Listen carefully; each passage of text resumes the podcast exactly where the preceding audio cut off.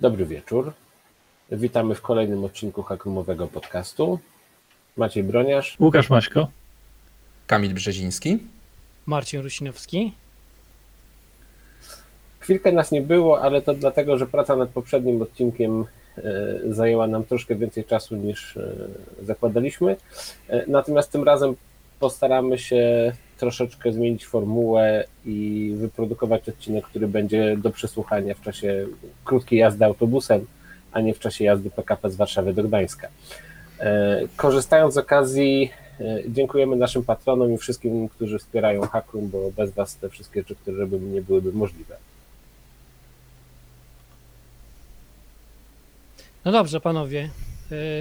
Dzisiaj się spotykamy z Amigą. Spotykamy się z Amigą, której powiedzmy sobie szczerze, nikt z nas nie miał, będąc tym nastolatkiem, czy też nie, wszyscy byliśmy chyba nastolatkami wtedy, kiedy nastała w Polsce Amiga, czyli w drugiej połowie lat 80. Chociaż nie macie. Ja nie byłem nastolatkiem. Kamil, nie, ja nie byłem wtedy nastolatkiem. Kamil też nie. No dobra, ale jakimiś tam plus minus nastolatkami byliśmy. No. Nie, tak, plus epsilon. Uśrednia, uśredniając to tak. Dla pewnych wartości funkcji. Tak, dla pewnych wartości funkcji. Eee, no to jak się spotkaliśmy pierwszy raz z Amigą? Po kolei, znajemy. Łukasz. Mój pierwszy kontakt to był sąsiad, kolega, który był razem ze mną atarowcem i w pewnym momencie on stwierdzi, że przejdzie na coś lepszego i kupił Amigę. 500 właśnie. E, nie pamiętam już za bardzo, co to on z nią robił, bo to już były czasy trochę późniejsze, powiedzmy. Natomiast pamiętam jedną rzecz, która mi się wryła w mózg bardzo mocno. Pierwszy raz, jak tą Amigę widziałem u niego, to odpalił mi na niej intro do Blood Money. I ten ten element mi się na zawsze kojarzy od tej pory z Amigo 500. E, no to intro, animacja, a zwłaszcza muzyka. E, potem jeszcze kolega z klasy kupił 500. E, ja już trochę tak bardziej na pecety wtedy patrzyłem, więc to mnie ominęło, no ale bawiliśmy się tą jego 500 i z tej jego 500 najlepiej pamiętam Lotusa bo też pogrywaliśmy, zwłaszcza pamiętam, że żeby było fajnie, to ja przynosiłem takiego jamnika, e, żeby dźwięk można było w stereo ładnie podłączyć i nagrałem sobie z tego Lotusa te muzyczki, które tam były, na pewno każdy, kto, kto grał, to kojarzy. E, po prostu taki no, kaseta z, z utworami była. Także u mnie to tak wyglądało. No u mnie pierwszy kontakt to był bodajże to była Amiga 600, jeżeli mnie pamięć nie myli, bo to nie była duża 500, tylko to była mniejsza Amiga. I e, to było u znajomego z bloku, takiego kumpla, z którym się chodziło na, na, na piłkę. E, ja wtedy miałem Commodore 64, a, a on miał Amigę. I um, pamiętam taką, w sensie najbardziej charakterystyczną chyba grę, w którą też często graliśmy to było Mortal Kombat e, na Amidze, gdzie trzeba było e, dyskietkę wkładać, jak ktoś robił Fatality. E, I jak graliśmy, to było tylko nie rób Fatality, nie? Bo trzeba było tam, nie wiem, dwunastą dyskietkę włożyć, czy szóstą. I, I to mi się najbardziej z Amigą wtedy chyba kojarzyło. To przekładanie i szuflowanie, szuflowanie dyskietek. Ja tak naprawdę podejścia do Amigi miałem dwa w odstępie ładnych kilku lat, bo pierwsza moja styczność z Amigą to było na jakichś wakacjach w 1988 roku. To była taka nietypowa Amiga, bo to była Amiga 1000 i pierwszą rzeczą, jaką na niej widziałem, to było e, demo e, do programu Fantavision. E, takie demo z dinozaurami. Jak to był przeskok gdzieś tam z oglądania rzeczy na, na Commodore czy na Spektrumie i nagle coś, co robiło wtedy z mojej perspektywy wrażenie tak naprawdę filmu, to był taki naprawdę efekt wow. Potem jak oglądałem to demo paręnaście lat później na YouTubie, to ono już nie robiło takiego wrażenia, ale wtedy faktycznie e, wgniatało w fotel. Natomiast potem e, Amiga się pojawiła wśród moich kolegów, kiedy właściwie ja już większość czasu gdzieś tam korzystałem z PC-ta, bo to był 93 bodajże rok i byłem trochę zdziwiony, jakby, że ludzie kupują komputer, który w, porównaniu z tym PC-tem z mojej perspektywy umiał mniej, miał gorszą grafikę, miał taki troszkę toporny interfejs, bo wtedy już był Windows 3.1, które wyglądały przynajmniej e, dużo lepiej. I właśnie, gdzie nagle pojawiała się zabawa pod tytułem żonglowanie dyskietkami. Znaczy, mam to samo doświadczenie co Kamil, czyli przekładanie dyskietek do e, Mortal Kombat, ale też pamiętam takie operacje typu ktoś chce w coś pograć u kolegi, więc idzie pożyczyć rozszerzenie pamięci, bo 500 miała tam raptem 512 kilo, a żeby część rzeczy chodziła, potrzeba było włożyć e, megabajt, czy pamiętam jakąś taką weekendową operację, gdzie kolega pożyczył od kogoś dysk twardy do Amigi z X-Wingiem pierwszym e, i wtedy z e, Amig trzech kolegów składaliśmy, bo tam jeden miał stację dyskietek, drugi miał dysk twardy, trzeci miał rozszerzenie, jakiś modulator, żeby dało się w to pograć i, i, i cały weekend generalnie ten X-Wing był tłuczony, wtedy to robiło niesamowite wrażenie. Ja do Amigi też miałem takie dwa podejścia. Y, pierwsze było e, takie mm, chyba najbardziej typowe, czyli u kolegi. E, I przeskok z Atari na Amigę. Pamiętam dwie gry, które wtedy mi się wbiły i do dzisiaj jakby mi zostały. To jest Hostages i Lost Patrol. I pamiętam Hostages, to był szok jakby w stosunku do grafiki na Atari i generalnie yy, sama idea gry wyglądające, to, to był jak film, tak? Chociaż wiemy jak ta gra wygląda dzisiaj, tak? Z naszej perspektywy. To nie jest jakiś to nie jest jakiś przełom w grach, natomiast w stosunku do 8-bitowego Atari to było yy, to były lata świetlne.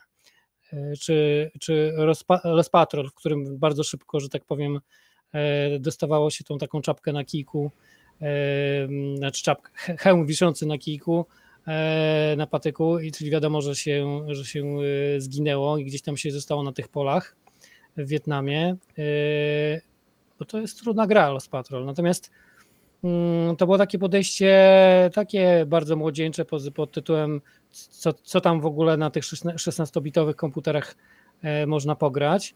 Natomiast parę lat później E, pożyczałem Amigę do nagrywania na, e, jakichś tam takich e, muzycznych intro do, do mm, albumu jakiegoś metalowego mm, kolegów, którzy, którzy byli w studio. I pamiętam właśnie, że pożycz, pożyczyłem, pożyczyłem Amigę, Amiga była w domu, ze studia musiałem pożyczyć data, żeby nagrać nagrać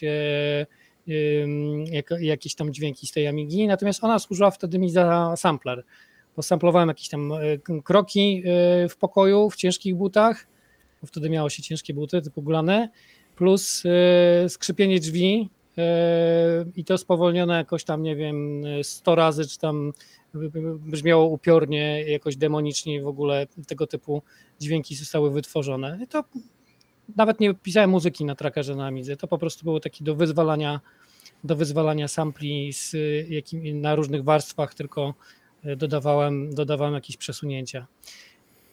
I, I to była taka pierwsza przygoda z Amigą. Natomiast tak jak Maciek powiedziałeś, że Windows 3.1 wyglądał lepiej niż Workbench, to nie zgodzę się, bo to jest jakby e, to, to nie jest możliwe, żeby, żeby Windows 3.1 wyglądał lepiej niż Workbench, nawet, nawet ten pierwszy Workbench Amigi. E, jest dużo czytelniejszy. Windowsy są naprawdę 3.1 to, to jest jakiś one się dużo od 3.0 nie różnią, tak a propos, e, w sensie designowym takim, UI-owym. E, to nie ma podjazdu w ogóle. Wiesz co, ale Marcin, ale ty jesteś... jakby trzeba to odnieść trochę y, do rzeczywistości, czy do kontekstu czasowego. Mówimy o 93-4 roku, czyli wtedy, kiedy normalnie w Windowsach 3.1 ludzie pracowali w rozdzielczości tam 800 na 600 w 16 bitach, jak to porównasz z Workbenchem na Amidze 500 jeszcze przez modulator do telewizora, to w ogóle jest jakby nie ta technologia. Ja rozumiem, że ta Amiga jest dekadę wcześniej tak naprawdę wymyślona i ten Workbench jest dużo przyjemniejszy e, niż Windowsy 3.1. E, natomiast jakby no wtedy z perspektywy.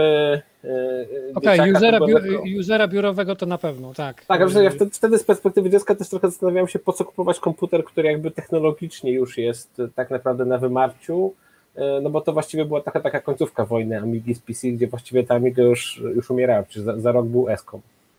No ale co, co ciekawe właśnie, bo to co Marcin wspomniał, bo my tutaj opowiadaliśmy o naszych przygodach z grami. Marcin powiedział przygodę gdzieś tam z samplowaniem.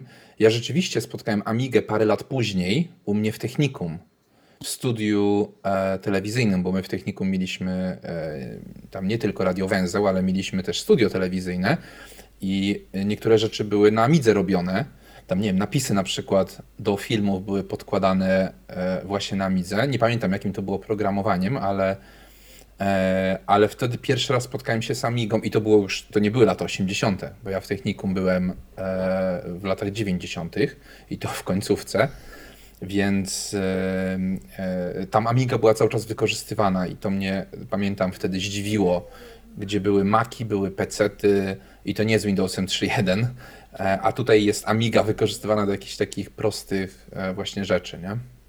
Amiga była świetna do takich rzeczy z racji tego, że za pomocą Genlocka można było bardzo prosto miksować e, różne źródła sygnałów. Tak?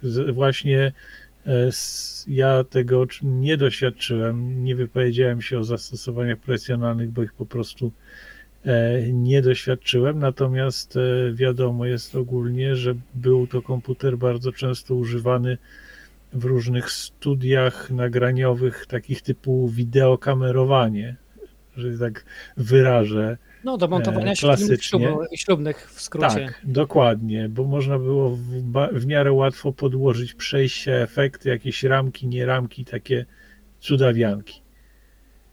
No właśnie no do tego używaliśmy Lokalne mhm. telewizje jeszcze też jechały na Amigach y, w latach 90. i to tak. Wiesz, co, no, w moich lokalnych Skierniewicach tak naprawdę póki lokalnej kablówki nie wykupiła Vectra, czyli tam pewnie do 2001-2002 roku, y, to kablówka była robiona na Amidze, w szczególności jak program lokalnej kablówki nie nadawał, to był po prostu workbench z Amigi 1200 wyświetlany. Y, więc jakby było dokładnie wiadomo, ile ta Amiga ma pamięci, ile ma dysku i tak dalej. Fajnie. No dobrze. Y, jest takie coś e, związanego z Amigą, co, co obserwowaliśmy też na mm, naszych spotkaniach hakromowych, że amigowcy to jest taka naj, najliczniejsza grupa, która po pierwsze przychodzi się bawić, po drugie przychodzi na wszelkiego innego, mm, jeżeli chodzi o inne platformy, też spotkania, czyli jest taka najbardziej chyba multiplatformowa.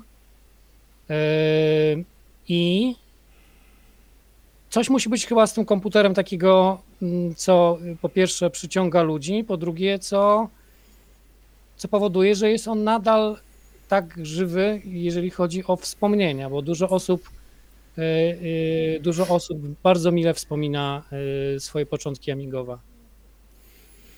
No ja może powiem, co, co dla mnie jest takiego urzekającego w Amidze. Przede wszystkim to jest, e, znaczy najładniejsza Amiga według mnie to jest 600, bo jest mała, zgrabna, e, wygodna. E, jest to, jest to fajny, mały, przenośny komputer, który właśnie można zabrać na takie imprezy. Zasilacz jest prawie połowę wielkości tego komputera.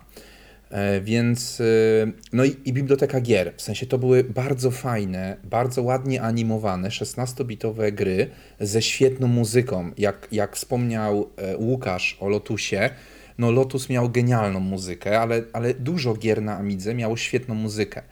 Była świetna grafika, która aż tak się bardzo nie zestarzała. Jak ja ostatnio grałem w Syndicate'a, to jest jedna z tych gier, które mam na dyskietkach w oryginalnym opakowaniu, to w tą grę miło nadal się gra na Amidze. To nie jest gra, która jakoś bardzo się zestarzała. Canon Fodder czy jakieś inne gry.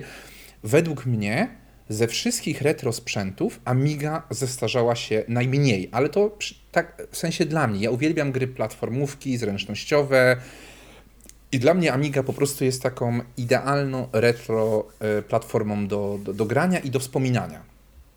No tym bardziej, że na Amidze chyba z tych 16-bitowych najbardziej rozwinęły się point and clicking, więc najłatwiej ci wracać też e, Kamil e, w postaci takich e, odwołań, odwołań i wspomnień w, tym, co robisz aktualnie.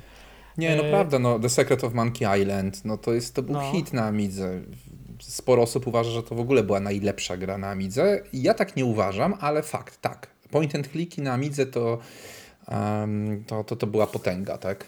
Tym bardziej, że, tym bardziej, że to był taki moment, że po pierwsze yy, gry przygodowe się rozwinęły, gry fabularne, tak można powiedzieć. Jakby te pojemności dyskietek wraz z Amigą yy, urosły.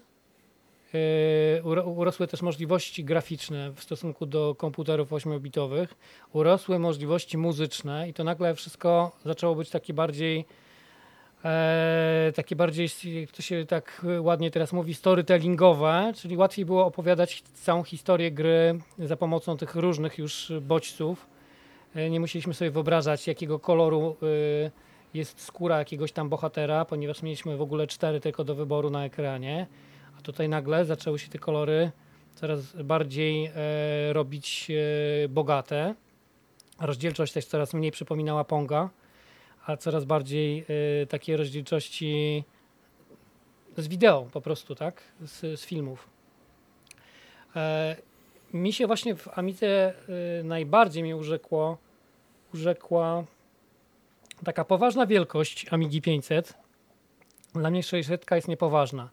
Nie ma tego bloku numerycznego, jakby to jest taki, y, taki, jakiś, taki domowy komputer y, do zabawy, natomiast 500 robiła takie wrażenie, to był taki lotniskowiec. Oś, jak się na to patrzyło z perspektywy ośmiobitówki, to po prostu był kawał stołu do, do, przygotowania. Nie tam, że tam na rogu stołu sobie coś położę, tylko po prostu pół stołu musiałem uprzątnąć, jak pożyczałem Amigę.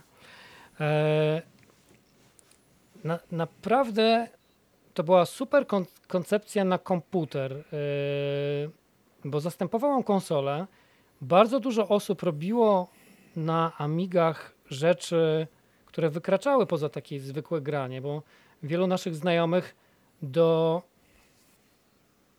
późnych lat 90. używało Amigi e, do pisania tekstów do szkoły, do poczty, do Michał Sokolski opowiadał jak modelował na, e, na Amidze e, pierwsze rzeczy takie komercyjne w sensie, w sensie takich użytkowych i to nie jest tak, że jakby ludzie używali jej tylko do grania. E, te gry były fantastyczne i była to jakaś alternatywa przez dłuższy czas na, e, na wchodzące dopiero konsole, które, które no po prostu na kartridżach były dosyć drogą zabawą w latach 80. W latach 90., jak już był Pegasus, e, Nintendo i to, te wszystkie rzeczy już, że tak powiem, miały swoje lata i spłynęły do Polski, bo to też nie było tak, że wszystko u nas wylądowało od razu na premierę, no to wiadomo, że te gry na Amidze się zestarzały. E, to też jakby e, widząc niektóre sequele gier na Amidze, które się już nie pojawiły, tylko pojawiły się na przykład na Macu i na PC-cie, e, łatwo można, łatwo można znaleźć ten rok, kiedy, kiedy Amiga przestała się liczyć, jeżeli chodzi o, o, o, o platformę. Natomiast no, do tego czasu rzeczywiście telewizja, z racji tego, co powiedział Łukasz, czyli, czyli Genlocka, E, łatwość podłączenia, bo nadal podłączaliśmy to no, głównie do telewizorów, nie oszukujmy się. E, no i przede wszystkim to, że te dyskietki łatwo się kopiowało chyba, tak? Coś, co zabiło Amigę, było też, ją, też jej taką yy, nośnością, jeżeli chodzi o yy, kopiowalność yy, tych gier, bo jeżeli one by były kartridżowe, no to byłoby dużo trudniej i no powiedzmy sobie szczerze, nikt z nas nie mógłby sobie pozwolić na te wszystkie gry.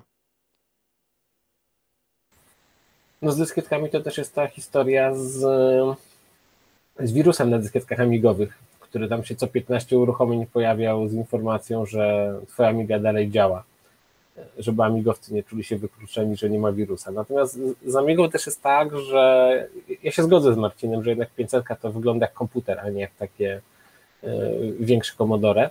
E, natomiast tak naprawdę no, w Amidze też różnicę robiła rozbudowywalność tego sprzętu. Znaczy to, że byłeś w stanie dokładać sobie e, zewnętrzne interfejsy, to, że nagle miałeś port pcimcia, który przecież był w PC-tach dopiero za dłuższą chwilę, to właściwie tylko w laptopach. To, że nagle mogłeś sobie dokładać po tej magistrali Zorro dodatkowe moduły i tak dalej, jakby to robiło e, robiło wrażenie. No wiadomo, że też finansowo troszeczkę inaczej działało w Polsce, kiedy te rzeczy były mniej dostępne i też były droższe niż, e, niż gdybyśmy byli gdzieś tam pewnie na zachodzie, nawet w Niemczech. Natomiast to też, też było fajne w Amidze, to to, że to był taki z mojej perspektywy pierwszy komputer taki, który był naprawdę multimedialny. Znaczy on miał wszystko. Mogłeś sobie na nim grać w gry, mogłeś na nim pracować, mogłeś pisać teksty, mogłeś robić grafikę. E, przecież masa znanych mi grafików zaczynała gdzieś tam od e, właśnie Deluxe Painta chociażby na, e, na Amigę. Zresztą znam sporo ludzi, którzy na przykład Emaxa poznali, używając mikro Emaxa na Amidze, a dopiero potem jakby zaprzyjaźniali się z nim gdzieś na innej platformie. Natomiast jest jeszcze jedna rzecz, która mi się, ja dowiedziałem się dopiero po latach wiedziałem, że na Amidze dało się odpalić macOSa, to jest w ogóle wielki spór, czy, czy Amiga jest najlepszym Macintoshem, czy nie. E, natomiast e, Amiga to był taki pierwszy komputer masowy, gdzie była wirtualizacja, w sensie to odpalanie macOSa na Amidze to było dokładnie co, to, co potem zobaczyliśmy w PC-tach jako wirtualizację, którą tam 15 lat później prowadził VMware. No to dodajmy jeszcze multitasking, tak? Słynne demo, demo z piłeczką, Y, które możemy sobie wyciągnąć z workbencha, który cały czas działa, tak? To był na tamten moment chyba jedyny system y, w komputerach 16-bitowych, y, który na to pozwalał. Znaczy, no dobra, w Unixie mogło, mogłeś tak zrobić, no ale to, wtedy Unixy to jeszcze nie była era, że trafiły do domu. No tak, nie były komputery domowe w żaden sposób, jakby to, to nie ten segment rynku.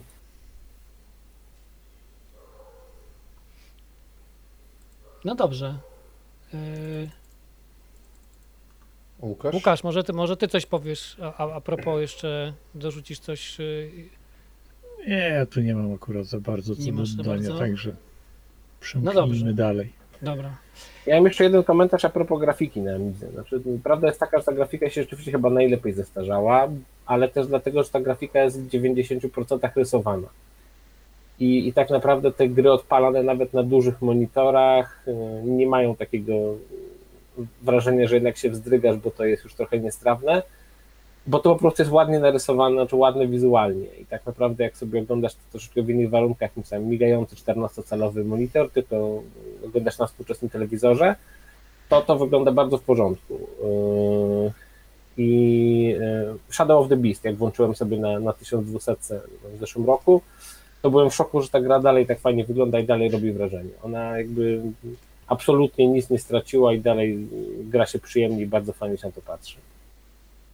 No to prawda, bo y, to był chyba ten poziom taki y, poziom pixel artu, który się zahibernował do dzisiaj i, jeżeli mówimy o pixel arcie, który wrócił jest jakąś taką formą też we współczesnych grach takich nawiązujących do retro, to tak mam wrażenie, że to jest ten właśnie poziom 16-bitowców, Y, głównie z Amigi, później patrząc w stronę, w stronę SNESa i innych, y, innych już konsolowych bardziej, y, bardziej rozwiązań.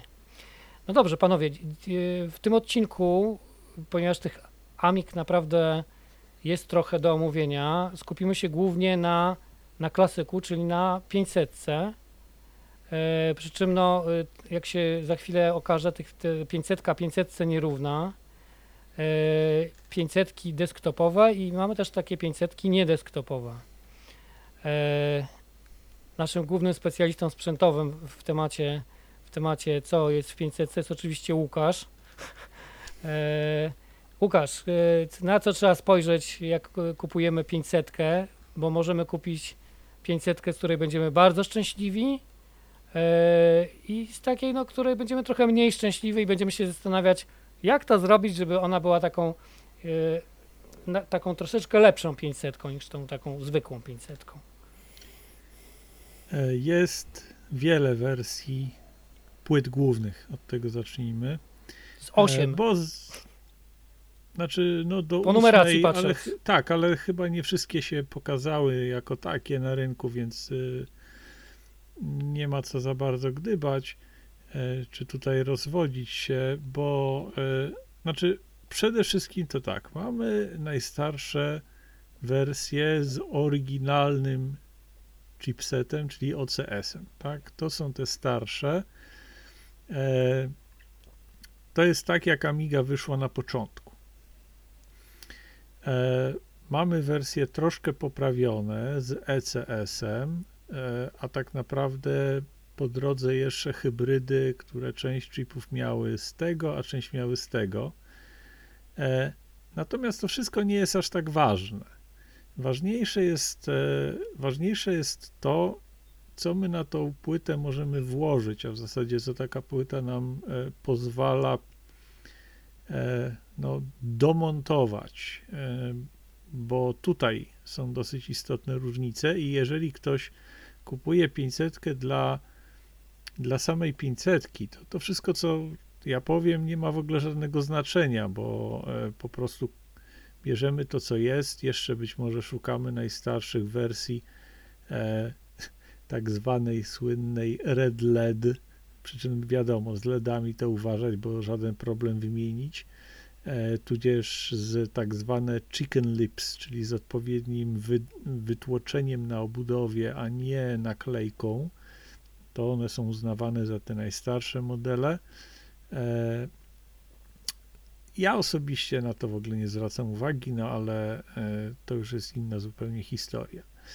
I rzecz polega na, rzecz polega na tym, jak Amiga jest skonstruowana od środka, bo e, mamy kilka poziomów pamięci, na przykład. Mamy po pierwsze najważniejszą pamięć typu chip i tutaj jest cały pies pogrzebany, bo Amigi potrafią przyjąć tego chipu maksymalnie 2 MB, przy czym starsze płyty Amigi 500 e, obsługują na przykład tylko pół MB, te najstarsze. E, nowsze wersje na przykład 1 MB, ale niekoniecznie bezpośrednio, bo być może wymagana jest pewna ingerencja lutownicą po prostu.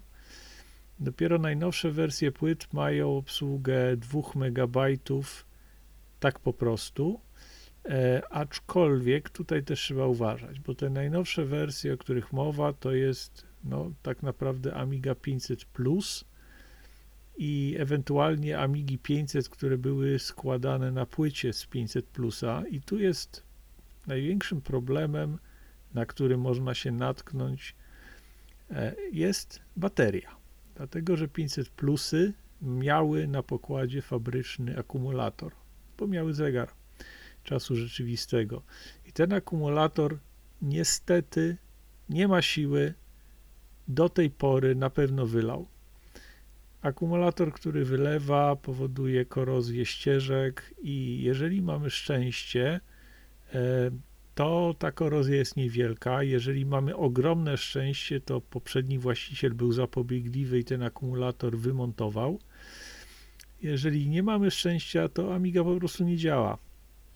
I naprawa takiej zeżartej elektrolitem Amigi jest trudna, kłopotliwa, jeżeli w ogóle sensowna. E, tutaj akurat już dużo lepiej jest poszukać płyty Y, takiej y, no, z Amigi 500, ale troszkę obciętej, czyli takiej jak w plusie, tylko właśnie bez zegara, właśnie dlatego, że ona nie miała fabrycznie zegara, to na pewno jest zdrowa, a można ją łatwo rozszerzyć. I to jest w zasadzie wszystko, jeśli chodzi o wersję 500 i na co patrzeć. No bo właśnie, jeżeli ktoś potrzebuje po prostu oryginalnej Amigi, to byle była sprawna. Jak nie potrzebuje oryginalnej, jak chciałby ją rozszerzyć, no to wtedy szukać raczej rewizji ósmej, e, ewentualnie 8.1, tylko patrzeć, czy tam była bateria, czy nie. E, no właśnie. A teraz w ogóle może o co, po co ten, ten chip więcej, bo to jest e, taka rzecz, która może też nie mieć znaczenia większość gier sobie poradzi. Tak? Poradzi sobie e, nawet z pół megabajta chipu, e, jeżeli tylko dodamy do niej e, dodatkowe rozszerzenie, o którym Maciek wspominał, jak to składali z kolegami Amigę do gry. Natomiast są gry, które przy, przy rozszerzonej pamięci, odpowiedniej pamięci na przykład będą miały lepsze, lepszą grafikę, więcej efektów dźwiękowych, E, więcej możliwości. E, nie jestem specjalistą od gier amigowych, natomiast wiem, że na przykład cywilizacja dużo lepiej chodzi, jak ma więcej RAMu, bo po prostu e, więcej rzeczy jest dostępnych. No dobrze, y, to może powiedzmy, jak już zaczęliśmy mówić o tej pamięci, bo pamięci są tak naprawdę trzy rodzaje. Y, Ta, o której powiedziałeś, czyli chip. Y, Ona się nazywa chip dlatego, że mają do niej bezpośredni dostęp bez opóźnień wszystkie chipsety kluczowe mm, Amigi. Mamy pamięć slow. To jest pamięć taka, która jest y, jakby najwolniejsza, jeżeli chodzi o gry. Y, To one oczywiście będą mogły z niej korzystać, natomiast nie mamy tych benefitów y, w postaci właśnie, że jest jakaś dodatkowa muzyka, że jest jakaś dodatkowa animacja. Y, I mamy jeszcze pamięć fast. To jest pamięć szybka, jak sama nazwa wskazuje, natomiast ona jest szybka na poziomie dostępu procesorowego, czyli Motorola. Natomiast układy, układy kluczowe Amigi, e, tej chipsety, żeby z niej skorzystać, no korzystają najpierw jakby z, e, mm, po, pośrednio z procesora, tak? Nie mają dostępu do tej pamięci w ogóle. Procesor musi przekopiować Musi, bo, tak, no musi kopiować, buforować musi to dla nich, tak. E, do czego to, ile tak naprawdę może Amiga zaadresować? E, bo może zaadresować maksymalnie ile, Łukasz? 500.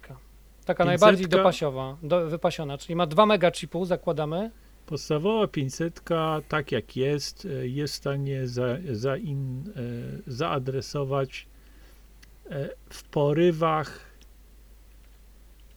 e, 2 mega chipu plus e, 8 mega fastu plus jeszcze można dodać bodajże 1,5 czy 2 mega tak zwanej pamięci slow mapowanej w, w, w pewne dziury w przestrzeni adresowej Natomiast no, przyjmuje się, że podstawowo 2 plus 8, czyli 10 mega.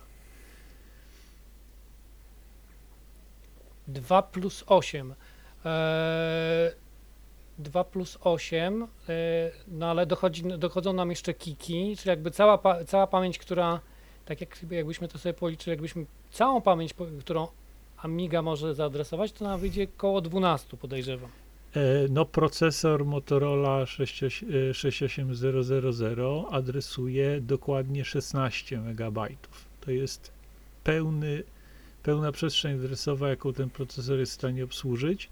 Natomiast w tej przestrzeni znajduje się właśnie cała pamięć RAM, e, Kickstart, Kickstart, czyli pamięć ROM, plus do tego przestrzenie adresowe układów specjalizowanych do komunikacji z nimi, no i to wtedy wszystko się, plus te jeszcze dziury, o których wspomniałem, e, które jesteśmy w stanie wykorzystać, jeżeli mamy odpowiednie rozszerzenie, e, raczej nieczęste.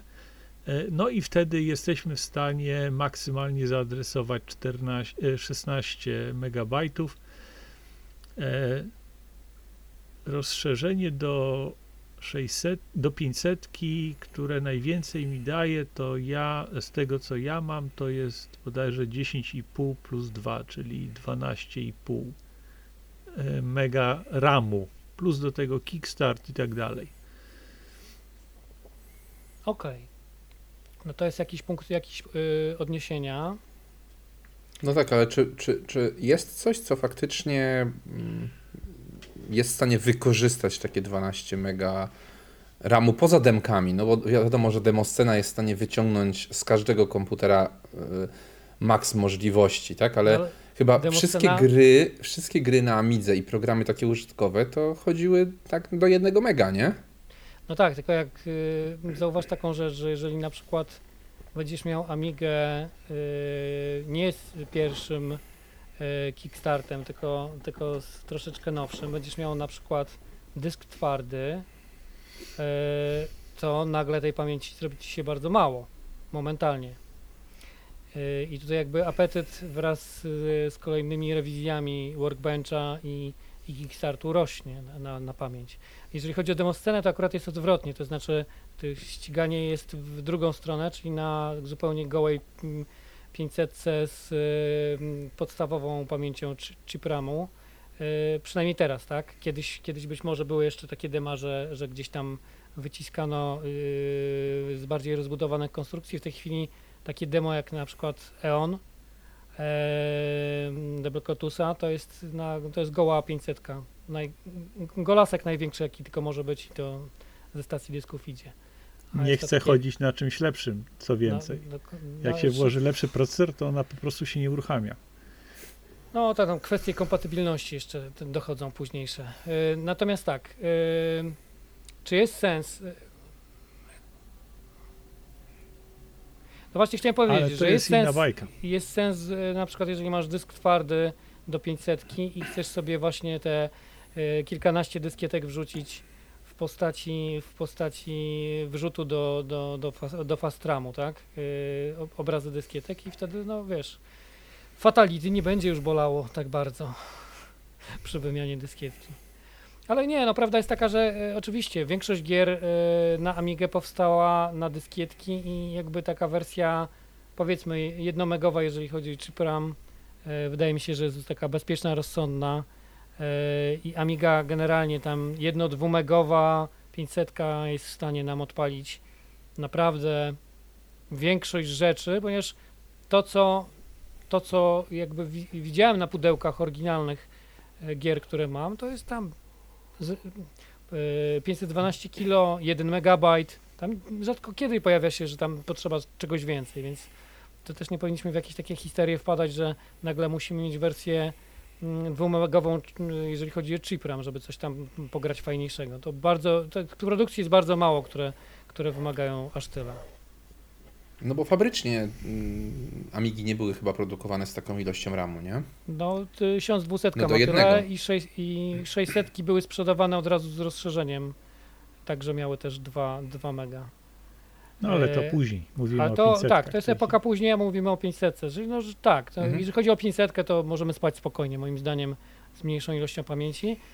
E, I chyba, tak jak Łukasz powiedział, nie ma sensu ryzykować e, mm, 500 plusa e, Amigi z racji tej baterii, która, która mm, no ta korozja może postępować, nawet jeżeli nie widzimy jej w pierwszym momencie, to, to może się okazać, że z czasem tam gdzieś jednak ta reakcja zachodziła i, i coś nam jednak mm, się rozkłada w tej Amidze, jeżeli chodzi o ścieżki.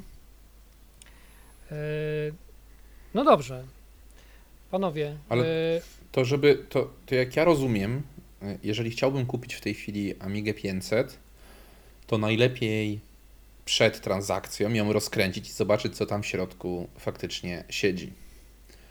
Czyli wszelkie serwisy aukcyjne, OLX-y i tak dalej teoretycznie odpadają. Nawet nie wiem, czy na giełdzie e, są w stanie ludzie rozkręcić. No u nas na garażówkach e, nieraz się zdarzało, że ludzie chcieli rozkręcić sprzęt, zobaczyć albo podłączyć, odpalić i tak dalej. I u nas to jest możliwe, ale jeżeli mówimy o giełdach albo sprzedaży online, to, to ciężko sprawdzić, co tam w środku w tej Amidze siedzi, nie? Wiesz co, ale te kwestie baterii są o tyle znane, że bardzo, znaczy jak ktoś e, sprzedaje sprzęt, na którym się zna, to bardzo często na przykład pisze w opisie aukcji, że bateria wymieniona albo wyjęta, albo prostu wrzuca zdjęcie dołu i góry płytki, tu gdzie bateria była zamontowana. E, Natomiast widziałem parę razy, jak ktoś na przykład tam ze znajomych chciał kupić Amigę i podsyłał mi właśnie, czy, czy ta aukcja jest fajna. No i pada pytanie o baterię i jakby to zabija resztę rozmowy. Znaczy w sensie już e, nie dostajesz odpowiedzi i jakby wiadomo, że, że coś jest tutaj nie halo. W przypadku albo 500 pan nie ma jed- zasilacza. Nie ma jak sprawdzić, jeździł tylko do Nie kościoła. ma jak sprawdzić, tak. W przypadku 500 jedna rzecz jest przynajmniej bezpieczna. Nie ma potrzeby wymiany kon- kondensatorów, bo te kondensatory elektrolityczne w 500 są trwałe i e, nie są problematyczne. Chyba, że oczywiście jakiś defekt się zdarzy, co zawsze się może zdarzyć, natomiast nie ma konieczności wymiany tego standardowo, jak to niestety jest przy 600 i 1200 tudzież niektórych dużych Amigach, ale to nie, dziś, nie dzisiejszy temat. No generalnie płyta, płyta 500 jest dużo lepiej wykonana niż 600 i 1200. To jest jeszcze bez tych oszczędności na, y, tak jak mówisz, na trochę lepszych elementach, ale też w trochę innej technologii, tak? Bo E, To są, to są jednak tam powiedzmy dwa lata różnicy, no poza 500 plusem, który jest równolatkiem 600 tak naprawdę. No ale 500 plus jest zrobiony jeszcze na starej technologii przewlekanej, tam nie ma w ogóle powierzchniowego lutowania, y, także to jest jeszcze.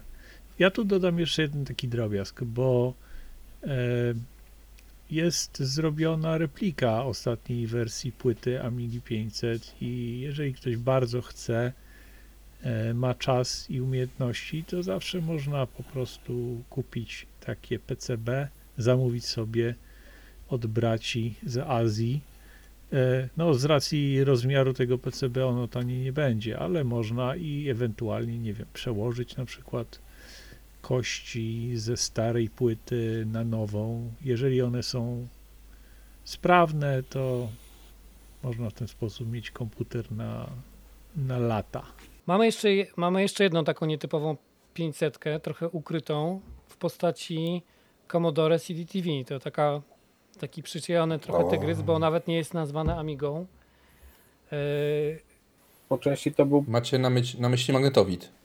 Tak, to, to, że ona nie była nazywana Amigą, to po części się przyczyniło do tego, że, że się sprzedawała fatalnie i dosyć szybko Amiga się z niej wycofała.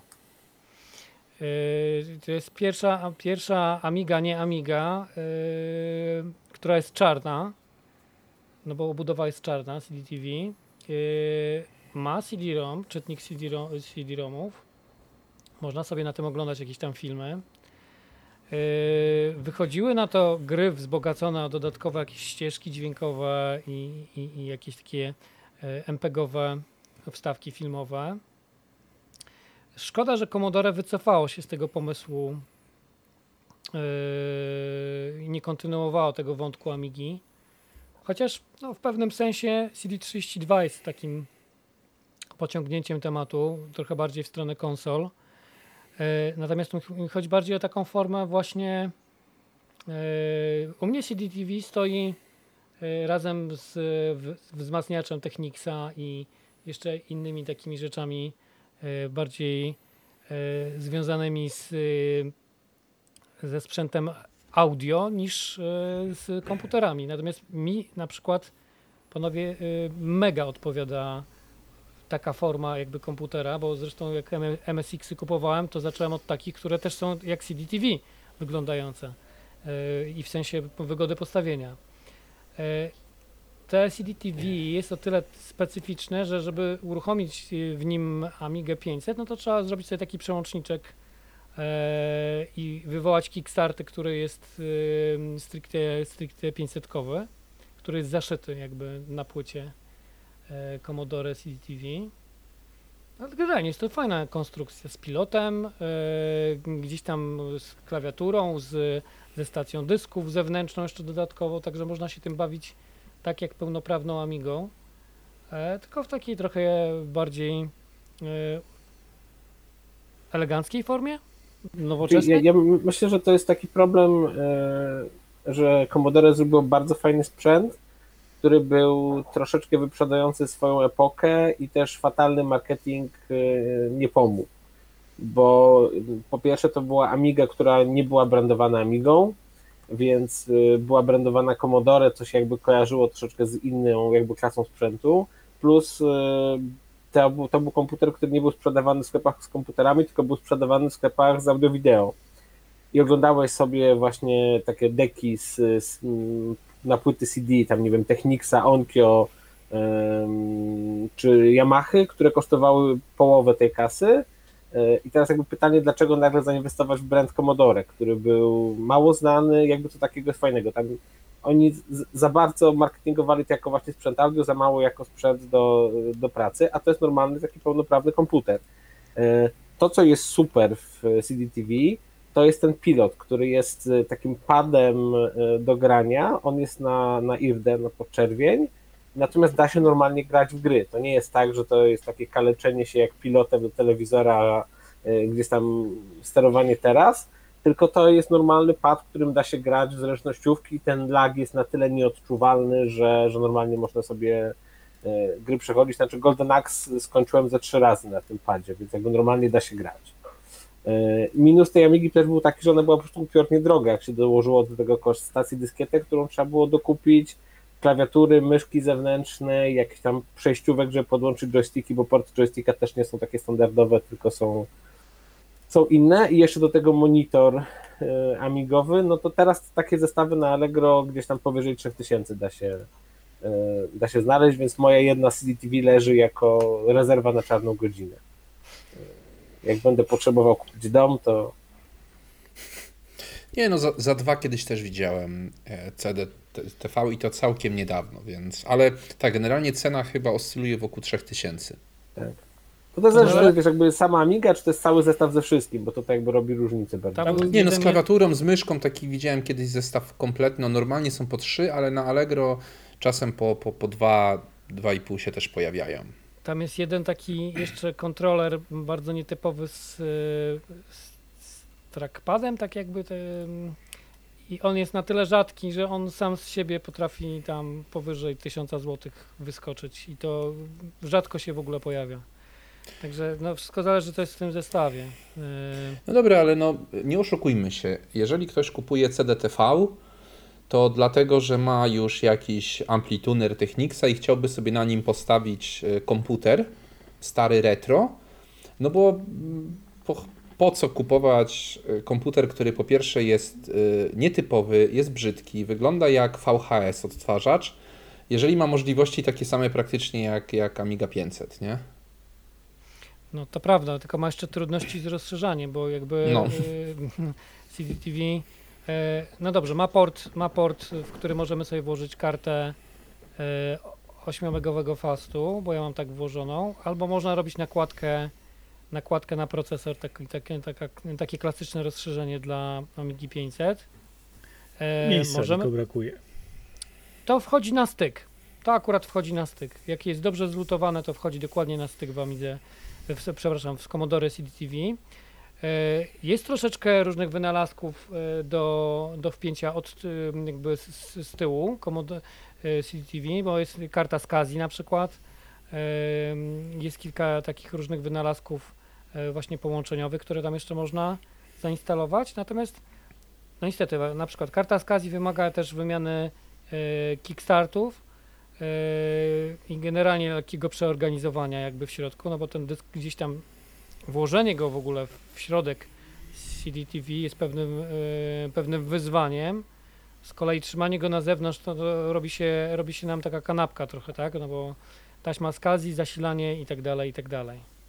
No, jest to nietypowy komputer na pewno i, i, i jakby y, wart odnotowania y, takiego troszeczkę historycznego. Natomiast my zastanówmy się, o co najlepiej rozszerzyć y, tą naszą Amigę. Y, mówiliśmy o pamięci. Y, tak, napra- tak naprawdę tych możliwości jest kilka, bo tak, są akceleratory, to Łukasz zaraz o nich powie.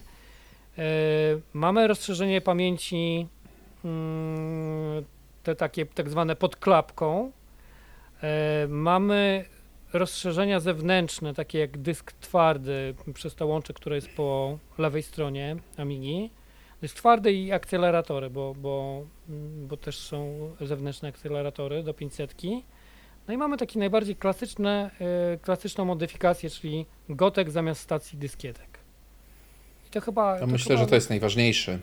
Tak powiem. W dzisiejszych czasach chyba to jest najważniejsze rozszerzenie, od którego Ja każdy powinien zacząć. Aha. Tak, jeżeli chcesz y, komfortowo korzystać ze swojej Amigi, to pierwsze co bym wymontował stację i wstawił Goteka. Albo zamontował przyłącznik yy, DFA, czyli jakby numer, numeru, numeru stacji i, i, na zewnątrz wsadził go TK w jakąś obudowę podłączoną do Amigi, a zostawił stację jako taki ten drugi nośnik w środku i wtedy bym nie modyfikował yy, nie modyfikował de facto tak yy, w środku bardzo. Dobrze, Łukasz, co, co, tam, co tam można wepchnąć do środka w sensie akceleratorów? Bo ty miałeś, y, y, ja mogę powiedzieć o ACA tylko tak naprawdę, ym, czyli, czyli zewnętrznym zaraz rozszerzeniu. powiesz. Ja też ACA opowiedz- używałem tylko. Dobrze, akceleratorów e, mamy sporo, bardzo duże, duża różnorodność.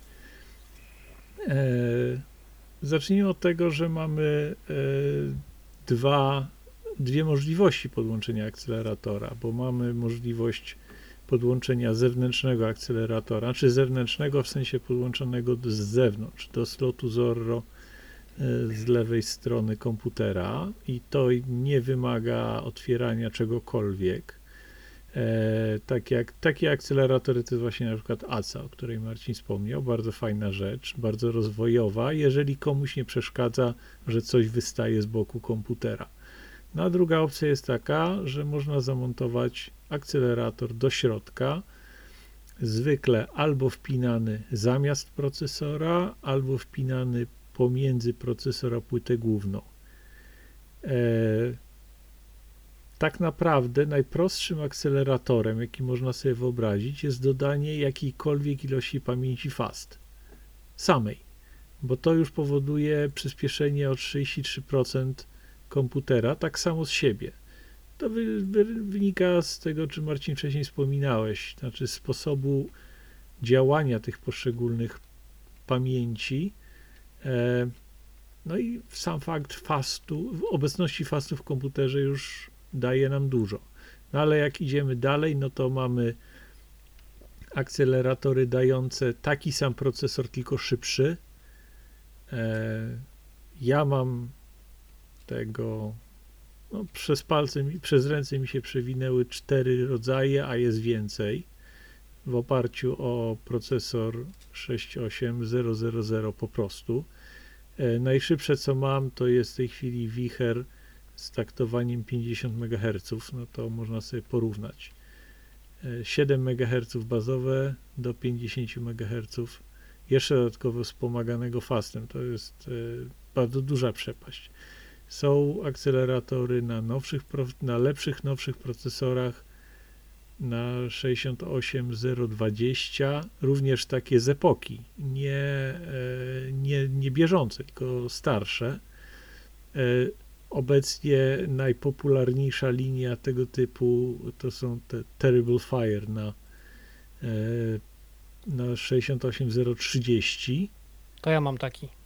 No, na, 50. przykład, na przykład. Bardzo fajna i bardzo mocna rzecz. Jeżeli ktoś by chciał sobie rozszerzyć i pooglądać więcej FPS-ów e, w demie do Elite. No i jest top, top topów, czyli Vampir, tak? E, Ale nie tylko, bo e, jest w produkcji Warp w wersji 560, czyli e, na klasycznym procesorze 0,60 akcelerator do 500. Także tutaj no, można bardzo dużo, bardzo dużo. Pytanie klasyczne Kamila. Po co? No bo to jest podstawowe pytanie, które każdy powinien sobie zadać. Po co wydawać x kasy, e, jeśli nie będziemy z tego korzystać, nie? He, powiem wam tak, jakby mm, jeżeli chodzi o wygodę, to te akceleratory montowane do środka są no, jakby no, bezsprzeczne pod, pod względem takim, że bierzemy w ręce jedno pudełko, przestawiamy je sobie na stół i mamy wszystko w jednym miejscu. Nic nie wystaje, nic nie zajmuje więcej miejsca, a 500 nie jest małym komputerem, to o tym cały czas yy, cały czas chyba też mówimy. Więc mi ACA 500 Plus, bo, bo, bo taką yy, AC miałem, bardzo się podobała ze względu na po pierwsze, była bardzo stabilna, nawet przy tych tam 42 e, MHz. E, nie grzała się, nic się nie wywracało. E, miała dwa sloty CF, co było bardzo fajne, bo z jednego chodził system, drugi był wygodny do przegrywania jakichś rzeczy, na przykład z peceta, ponieważ 500 nie ma pcimczy. To jest dopiero w 600 i w Amidze 1200, w związku z tym przenoszenie czegoś z peceta Yy, no nie to, że jest bardzo kłopotliwe, no ale troszeczkę jest, nie ukrywajmy. Do tego potrzebujemy czegoś dodatkowego. Yy, I tak naprawdę w, w momencie, kiedy mam Terrible Fire, to powiem Wam, że brakuje mi tego drugiego slotu do przegrywania.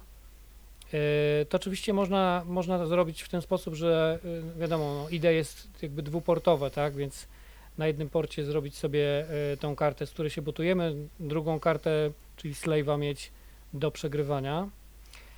Ale tak nie zrobiłem, no bo to jest dodatkowe jakieś tam grzebanie, lenistwo i e, suma tego spowodowała, że tego, że tego nie zrobiłem. E, Natomiast e, powiem wam tak, nie odczuwam żadnej różnicy między Acą, która miała tam te 40, maksy, 42 chyba maksymalnie, jeżeli chodzi o taktowanie. I procesor 000, tak? Ona była na Tak, zwykłym, na tak, 68 tysięcy. Yy, a 0,30 z zegarem 50. Nie, nie widzę różnicy. Znaczy wiem, że mogę odpalić Duma w jakiejś tam, w jakiejś tam e, wersji. Wiem też, że ten, e, ta sama e, częstotliwość i ten sam procesor w CD32 dawał więcej z racji AICO i, i troszeczkę innej organizacji e, w CD32. Więc jakby tutaj akcelerator akceleratorowi nie jest równy, powiedzmy sobie szczerze.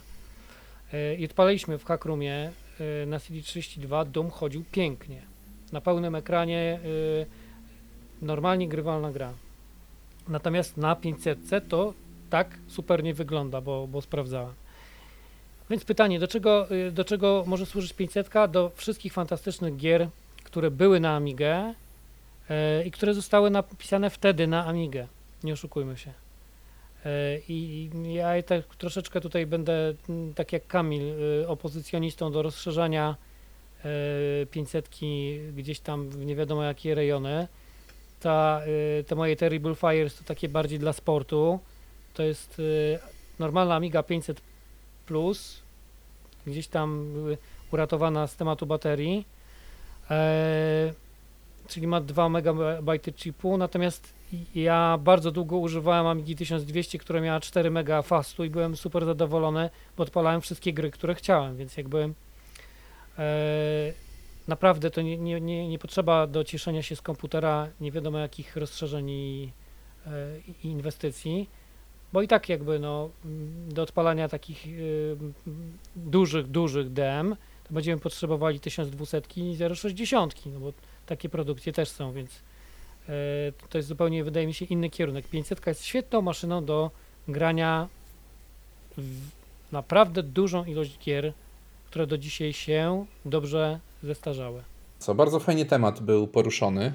E, Wydaje mi się, że jeżeli ktoś rzeczywiście chciałby wrócić do Amigi albo zacząć swoją przygodę z Amigą, e, to wydaje mi się, że te tipy, które Łukasz sprzedawał, jeśli chodzi o to, jak kupować e, i, i to, co opowiadaliśmy na temat gier, tego, tego jak się ten sprzęt zestarzał i, i gry na ten sprzęt, e, i wydaje mi się, że, że, że jest to w miarę wyczerpanie tematu Amigi 500. Ten odcinek amigowy kończymy w tym miejscu. To oczywiście nie jest wszystko, co, co chcielibyśmy Wam powiedzieć o, o Amigach. Yy, natomiast nie, nie, nie chcąc robić e, tych odcinków niemiłosiernie długich, postanowiliśmy je troszeczkę e, tak podzielić i będziemy mieli taki trochę Virginię schodzącą po schodach 20 razy, będzie 20 odcinków o Amidze. Nie, no oczywiście żartujemy. Nie będzie aż tylu odcinków, natomiast do Amigi bardzo chętnie wrócimy. Dobranoc Państwu. Do usłyszenia. Dobranoc. Dobranoc.